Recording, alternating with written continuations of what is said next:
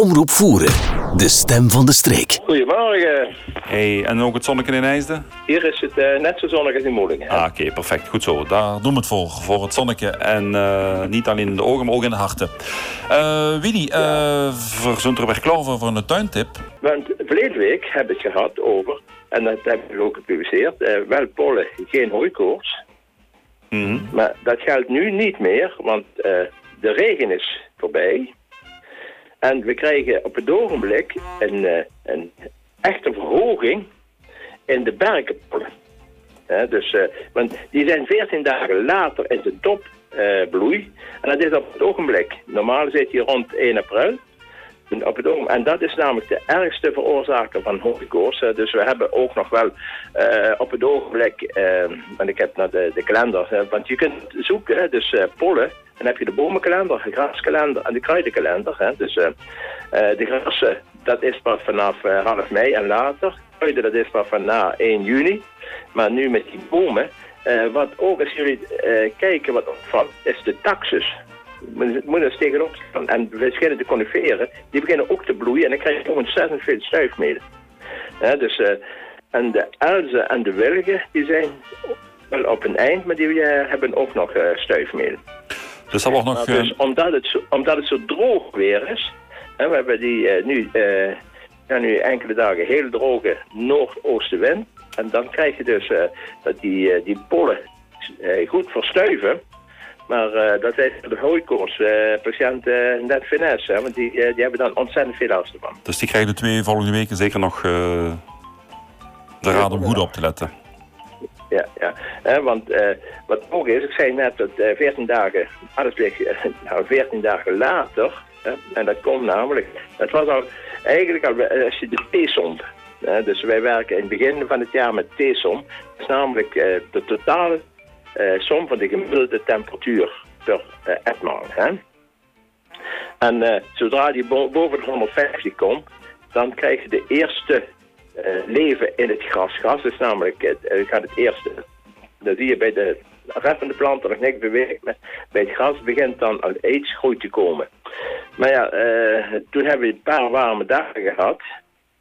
In februari wel die voorschap. En toen hebben we paar weken geleden die hele hoge temperatuur had. En dus die T-som is toen uh, ruim boven de 260 uitgekomen. Ja, en dan geldt die niet meer. Dan gaan de gewone temperaturen en met name de grondtemperaturen gelden voor de verdere ontwikkeling van de planten. Dus, uh, en uh, ja, als je zelf in de natuur kijkt, hoe moeilijk de, de bomen in blad komen. En dat heeft zuiver te maken met de temperatuur, maar ook de grondtemperatuur. Ik heb net nog gemeten en we zitten nog maar op een grondtemperatuur van 8 graden. En dan heb ik uh, waar ook aan de, uh, op een plek gemeten waar veel zon zijn. Dus uh, als je in schaduw gaat meten, kom je nog lager. dus wat, wat dat betreft liggen we ver achter op... op de gewone gemiddeldes. andere, op, op, het gemiddelde van andere jaren. Ja, ja. Hm. ja, ja, ja. dus en, en, en dat is ook belangrijk, eh, want die, die temperatuur, want 12 graden of 15, eh, tot zeg maar 12 tot 15 graden, dat zijn ontzettend belangrijke eh, temperaturen van ontwikkeling van eh, ook zaden, dat zaden gaan kiemen. Eh, dus die grondtemperatuur van 8 graden die is eigenlijk te laag voor het kiemen van zaden. De meeste zaden. Ja, maar dat kan dus eh, volgende week wel veranderen met, uh, met de mooie nee, zonnige dagen die ze ons voorspellen? Nee, nee, nee. De, de, de dagtemperatuur komt niet hoog genoeg. En we zitten in die schale wind en we komen maar tot maximum temperaturen van, van 16, 17 graden. Maar de nachttemperaturen die zijn te laag en dan krijg je dus dat die opwarming niet snel genoeg doorgaat. Ja, ja, ja. Blijft, de ontwikkeling blijft natuurlijk, het wordt steeds wat warmer, geleidelijk aan gaat ontwikkelen door. Je hebt zaden die vroeg kiemen en je hebt ook zaden die heel hoge temperatuur moeten hebben. Ik ga uit voor de gemiddelde zaad, wat moet gebruikt worden ook bij de, uh, bij, uh, bij de akkerbouwers, maar ook in de tuin. Hè? Mm. dus de akkerbouwers, die zitten ermee, hebben die te vroeg gezaaid. En dat heb ik al... En, de vorige keer, of de keer ervoor ook al aangehaald, als je te vroeg zaait, de, de planten zijn gekiemd, hè, toen met dat warme weer kon de planten zijn gekiemd, Daarna krijg je eh, een vorstperiode. En dan gaat zo'n plant eh, eh, omschakelen naar een tweede jaarfase. En dat is namelijk, de meeste planten zijn tweejarig. En dat is namelijk de zaadvorming. Dat is, uh, en de zaadvorming, dat moet geen, uh, niemand hebben die bieten uh, heeft gezaaid. Of andere gewassen, worteltjes of prei of wat ook. Want dat wij noemen dat doorschieten. Daar hebben we niks aan. Dus daarom is het heel belangrijk dat je de weersvoorspelling goed in de gaten houdt, ook bij het zaaien. Ja. Voor de ontwikkeling van de planten. dus, maar ook, je hebt natuurlijk een voordeel de schimmels en de, de, de insecten, die ontwikkelen ook heel moeilijk. Die hebben ook die temperatuur van uh, 12 tot 15 graden, insecten vaak 15 graden, voordat er uh, de, de, de, vervellingen plaatsvinden. Dus uh, voor de groei van de, van de, van de rotsen. dus, en daar gaan we het volgende week uitgebreider over hebben?